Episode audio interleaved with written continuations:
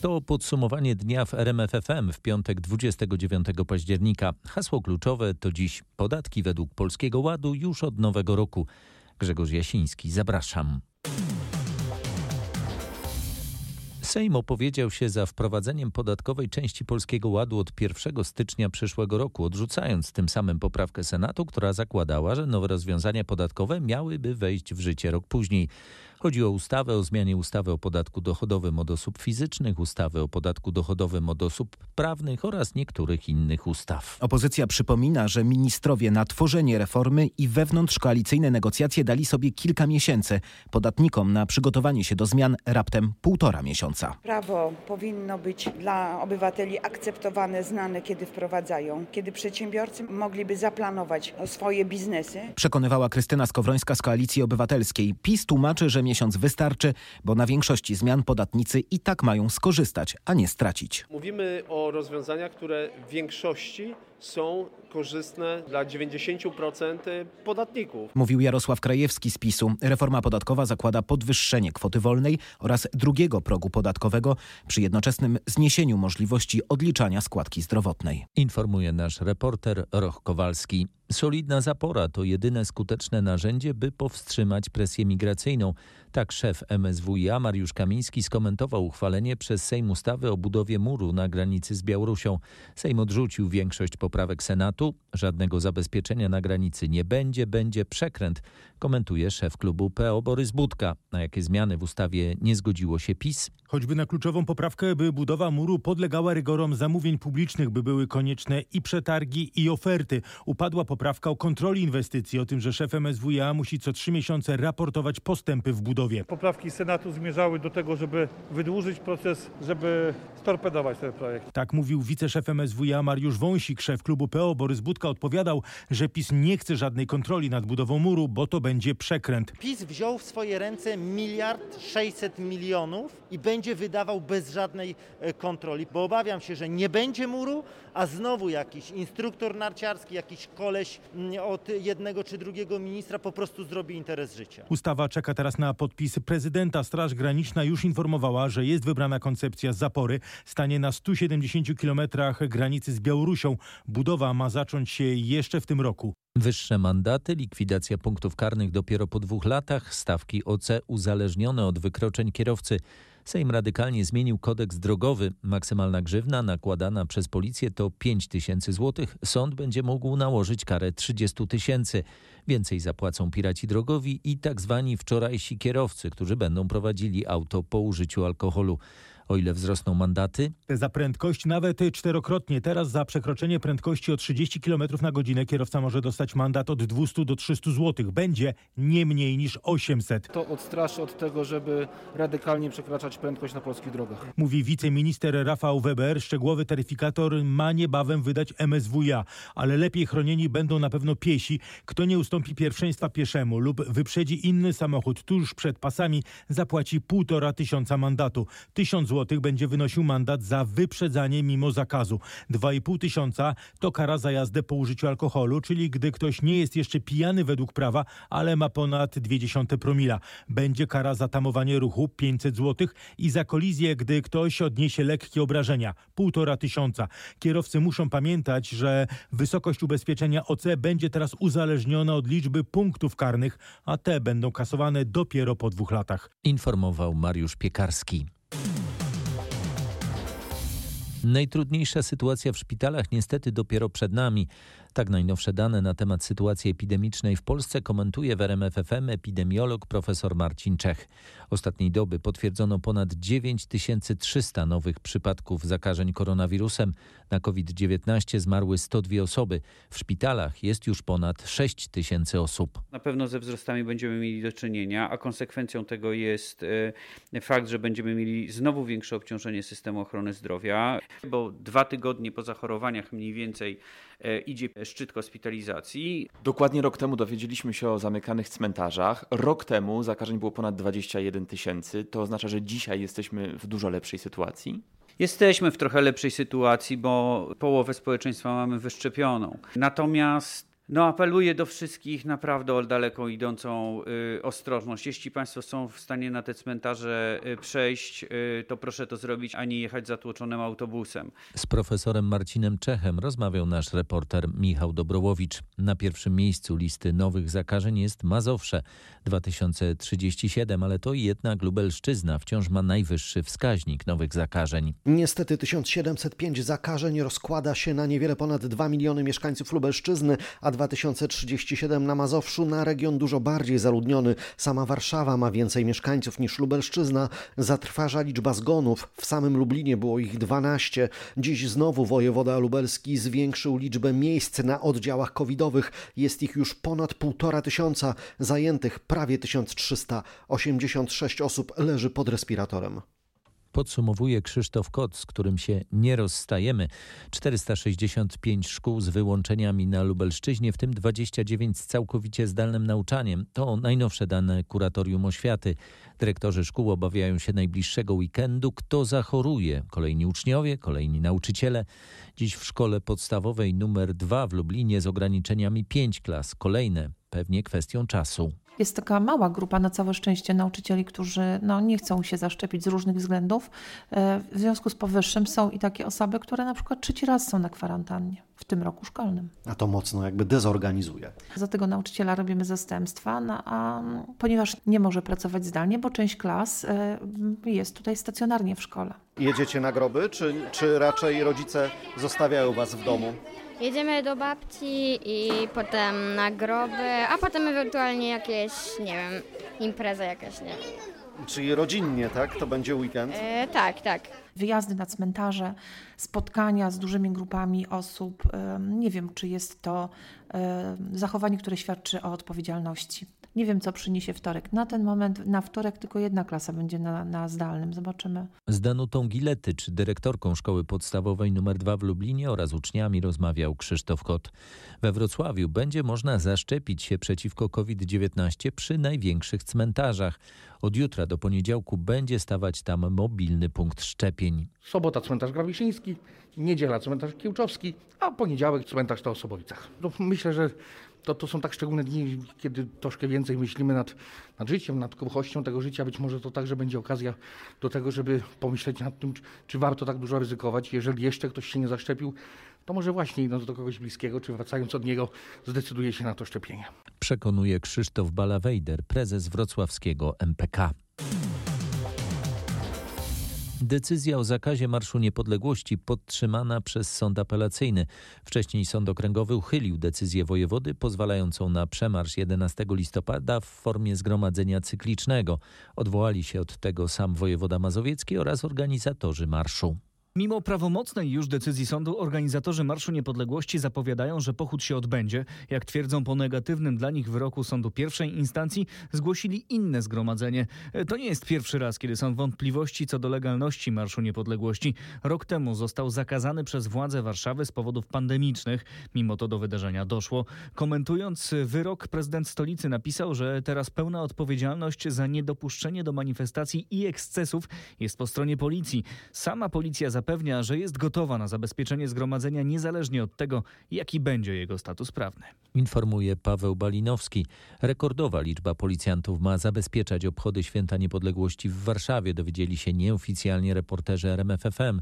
Z naszych ustaleń wynika, że w operacji w stolicy może wziąć udział ponad 7 tysięcy funkcjonariuszy, dla których przygotowano premię w wysokości 1000 zł na osobę. Mniej więcej połowa to funkcjonariusze z garnizonu warszawskiego. Reszta miałaby przyjechać z kraju. To poza policjantami prewencji mieliby być ludzie z tak zwanych NOP-ów, czyli nieetatowych oddziałów prewencji, które formuje się chociażby e, z funkcjonariuszy służby patrolowej.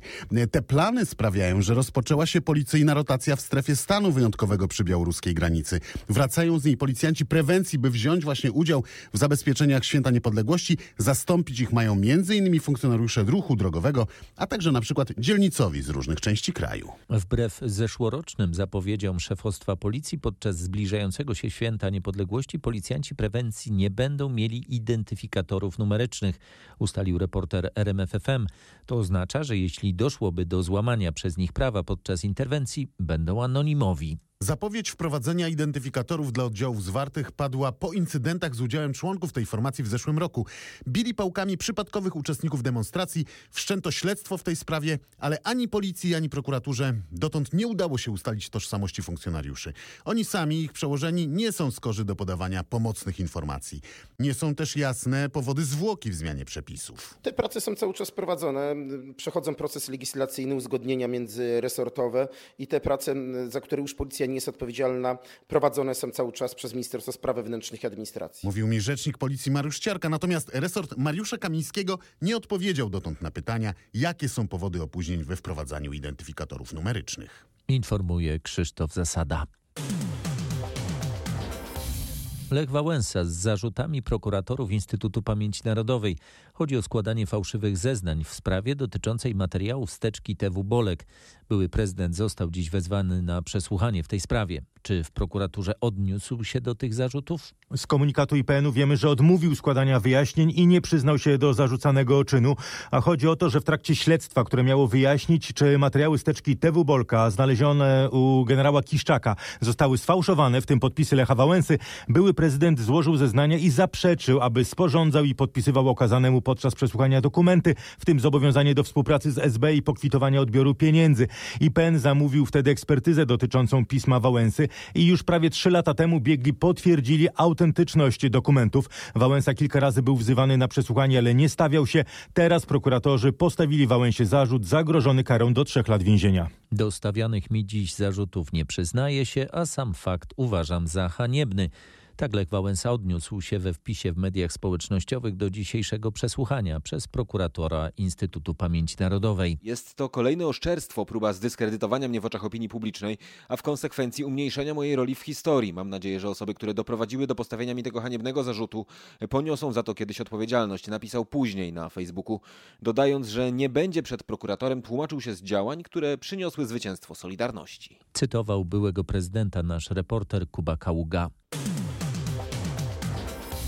Rozpoczyna się długi weekend. Wiele osób wyrusza odwiedzić groby bliskich.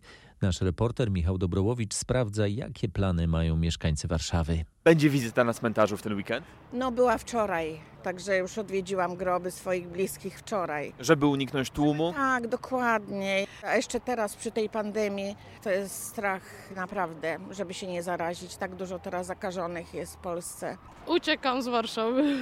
Na działkę tak posiedzieć, bo ma być ładna pogoda. Będzie o godzinę dłuższy ten weekend, bo zmieniamy czas. To dobrze? Tak? A, no to świetnie. To kiedy? Jutro czy dzisiaj? Z soboty na niedzielę. Fantastycznie. O, to dobrze, to się wyśpię. Bardzo się cieszę. W takim razie przypominamy, wskazówki zegara cofamy z godziny trzeciej na drugą. 1 i 2 listopada będzie można wjechać do strefy objętej stanem wyjątkowym wzdłuż granicy polsko-białoruskiej, by odwiedzić groby bliskich. Jak będzie to wyglądało w praktyce? No, na pewno trzeba liczyć się ze szczegółowymi kontrolami policji na drogach dojazdowych do gmin objętych stanem wyjątkowym. Tylko w Podlaskiem funkcjonuje kilkadziesiąt takich punktów kontrolnych. Funkcjonariusze będą legitymowali osoby w samochodzie, także sprawdzali, co jest przewożone, na przykład w bagażniku.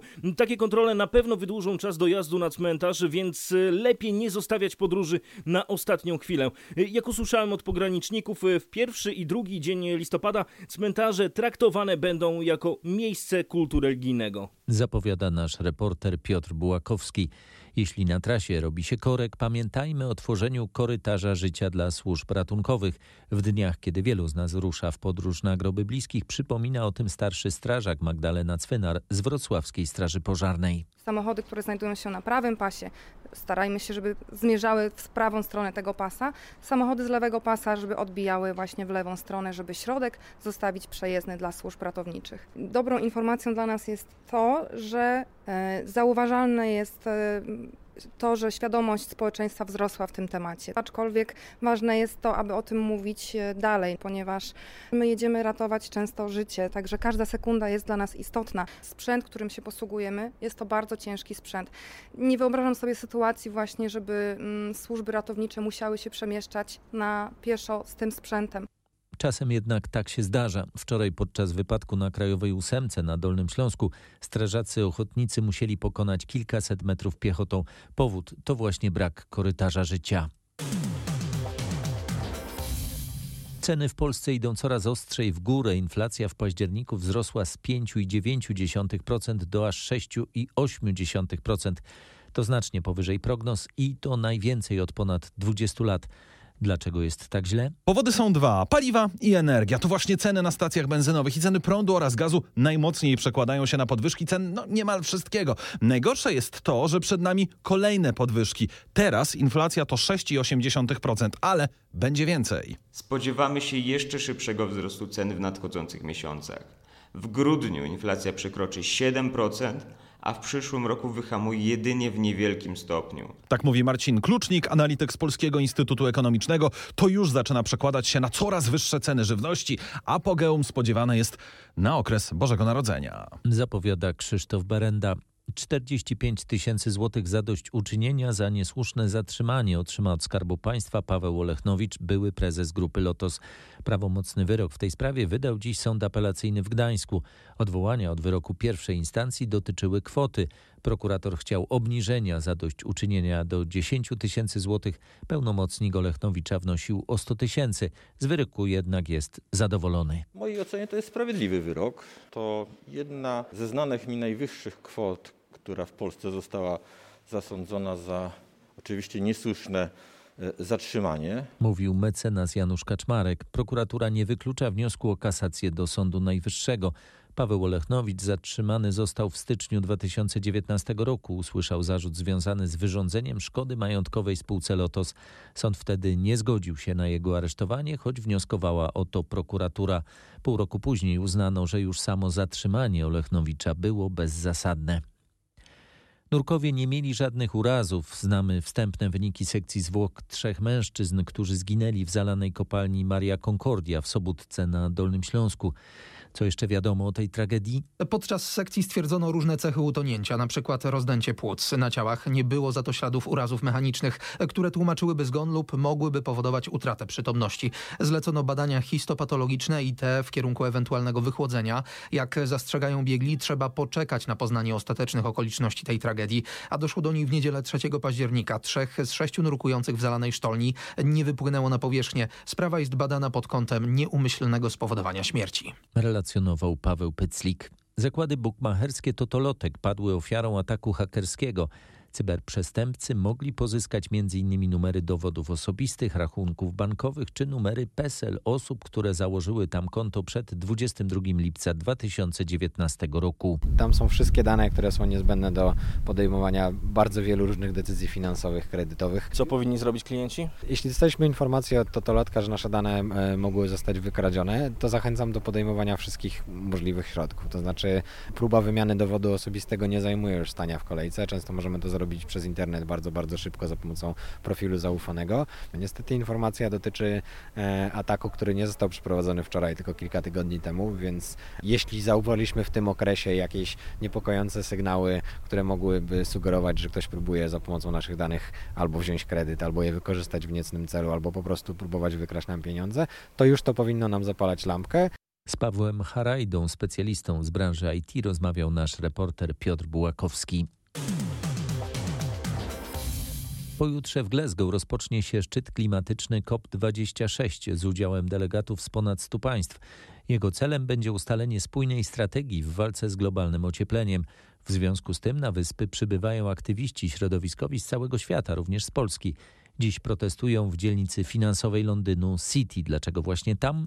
Banki tak naprawdę globalnie nadal inwestują w nowe wydobycie paliw kopalnych i to tutaj od kilku miesięcy nasz międzynarodowy ruch prowadzi kampanię, żeby właśnie ten bank przestał znowu inwestować w paliwa kopalne no i zagraża no, nam przez, przez tworzenie nam kryzysu klimatycznego.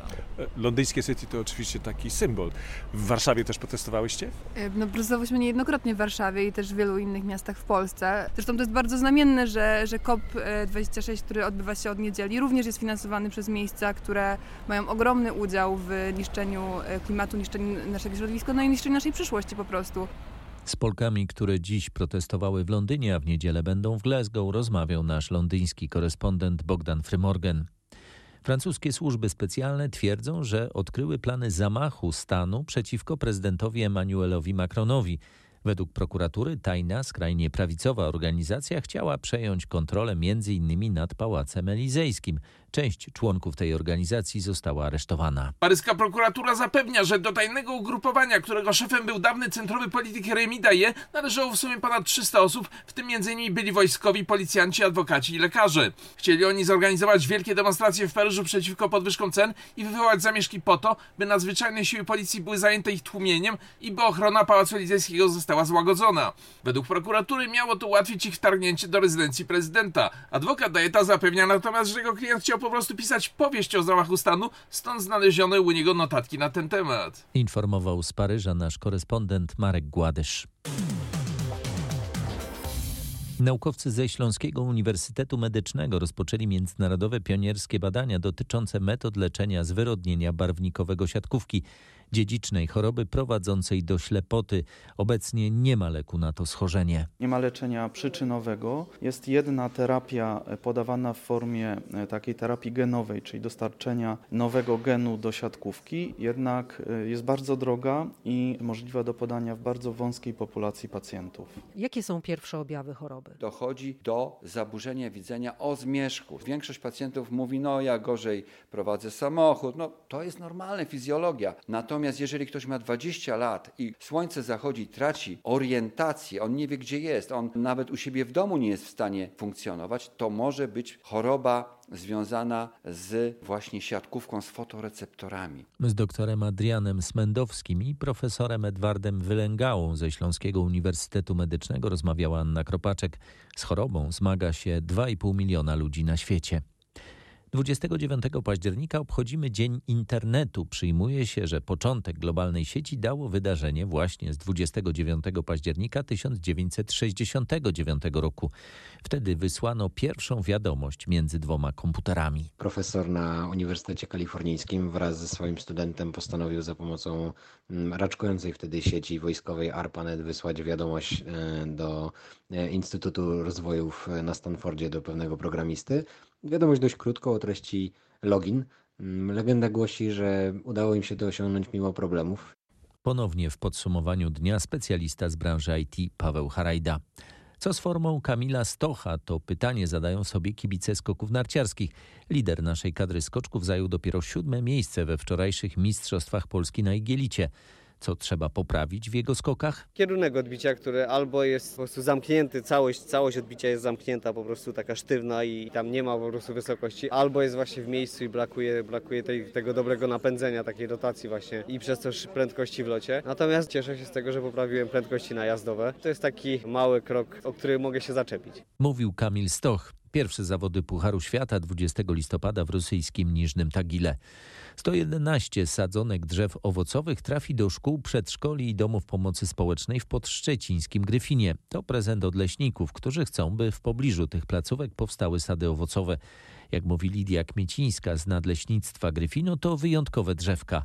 Rozdawane są bowiem sadzonki drzew owocowych starych odmian. Drzewka, e, a właściwie nazwy odmian, e, które przywoziliśmy do placówek, budziły bardzo często uśmiech wśród dzieci, bo na przykład wśród czereśni znalazły się takie odmiany jak wczesny Czesiu, czy późny Czesiu, Czesiu duży, czy na przykład Beata, albo na przykład Biała Ania. No i jabłonie, jabłonie Reneta Landsberska, e, Kosztela, które, tak jak mówię, bardzo często no, budziły sentyment w osobach, które drzewka od nas odbierały.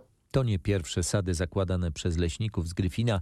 W czerwcu posadzili jabłonki przy szlaku rowerowym, tak by za kilka lat z owoców cieszyli się przejeżdżający tamtędy rowerzyści. To był najlepszy sezon od blisko 90 lat, czyli od początku istnienia Stowarzyszenia Flisaków Pienińskich. Od kwietnia przewieźli swymi tratwami po Dunajcu blisko 340 tysięcy turystów. Jest co świętować, mówi naszemu reporterowi Maciejowi Pałachickiemu prezes Flisaków Jerzy Rogiec. Wakacje rewelacyjne, jesień przepiękna. Zamykamy powolutku sezon rekordowym wynikiem w granicach 339 tysięcy. Bardzo dobrze, cieszymy się, bardzo ładnie. Tak ma być. Wykonają, że tak, od tego roku ma być tak cały czas. Pogoda ładna. I... No my wczoraj zdjęcia wysyłaliśmy właśnie. W strojach letnich. Krótkie spodnie, drzewa, piękne kolory, tak. Dawno tak nie widzieliśmy. Polecać Tak, polecamy, wszystkim, polecamy. polecamy wszystkim. 529 łodzi w jednym dniu spłynęło, co też jest rekordem dziennym w całej historii stowarzyszenia. Może ręce bolą po sezonie? Nie, bolą. Jeśli ktoś jeszcze chciałby popłynąć z flisakami, których ręce nie bolą, to musi się pospieszyć, bo tratwy pływają tylko do niedzieli. Pogoda w weekend w Tatrach ma być bardzo ładna i zachęcająca do górskich eskapad. Na szlakach jednak nie będzie łatwo, a miejscami wręcz bardzo niebezpiecznie. Wszystko z powodu lodu występującego w zacienionych miejscach. Typowa tatrzańska jesień, czyli w cieniu z rana możliwy lód, pogoda zachęcająca do wycieczki. No i właśnie przez to, że wokoło ładne widoki, może kusić patrzeć nie pod nogi, a pod te nogi jednak trzeba zwrócić uwagę, bo i zaczyna zamrażać e, w nocy to, co gdzieś tam słonko, nawet jak się oparło przez dzień, to, to troszkę wytopiło. Także jakichś dużych ilości śniegu nie ma takich widocznych, natomiast rzeczywiście taki chytry lodzik gdzieś po, po szlakach może być odłożony, także na to ostrożnie. Uwaga turyści, silny wiatr w Sudetach Zachodnich. Weekend także zapowiada się tam wietrznie, ale dość pogodnie. W trakcie dnia ma być słonecznie. E, Temperatury w godzinach popołudniowych i nocnych mają spadać e, do około 1-2 stopni. Aczkolwiek w szczytowych partiach Karkonoszy zapowiadane są dosyć silne wiatry praktycznie do końca weekendu. Także tutaj musimy wziąć to pod uwagę, planując nasze wyjścia w góry. Przestrzega Sławomir Czubak, naczelnik karkonoskiej grupy GOPR.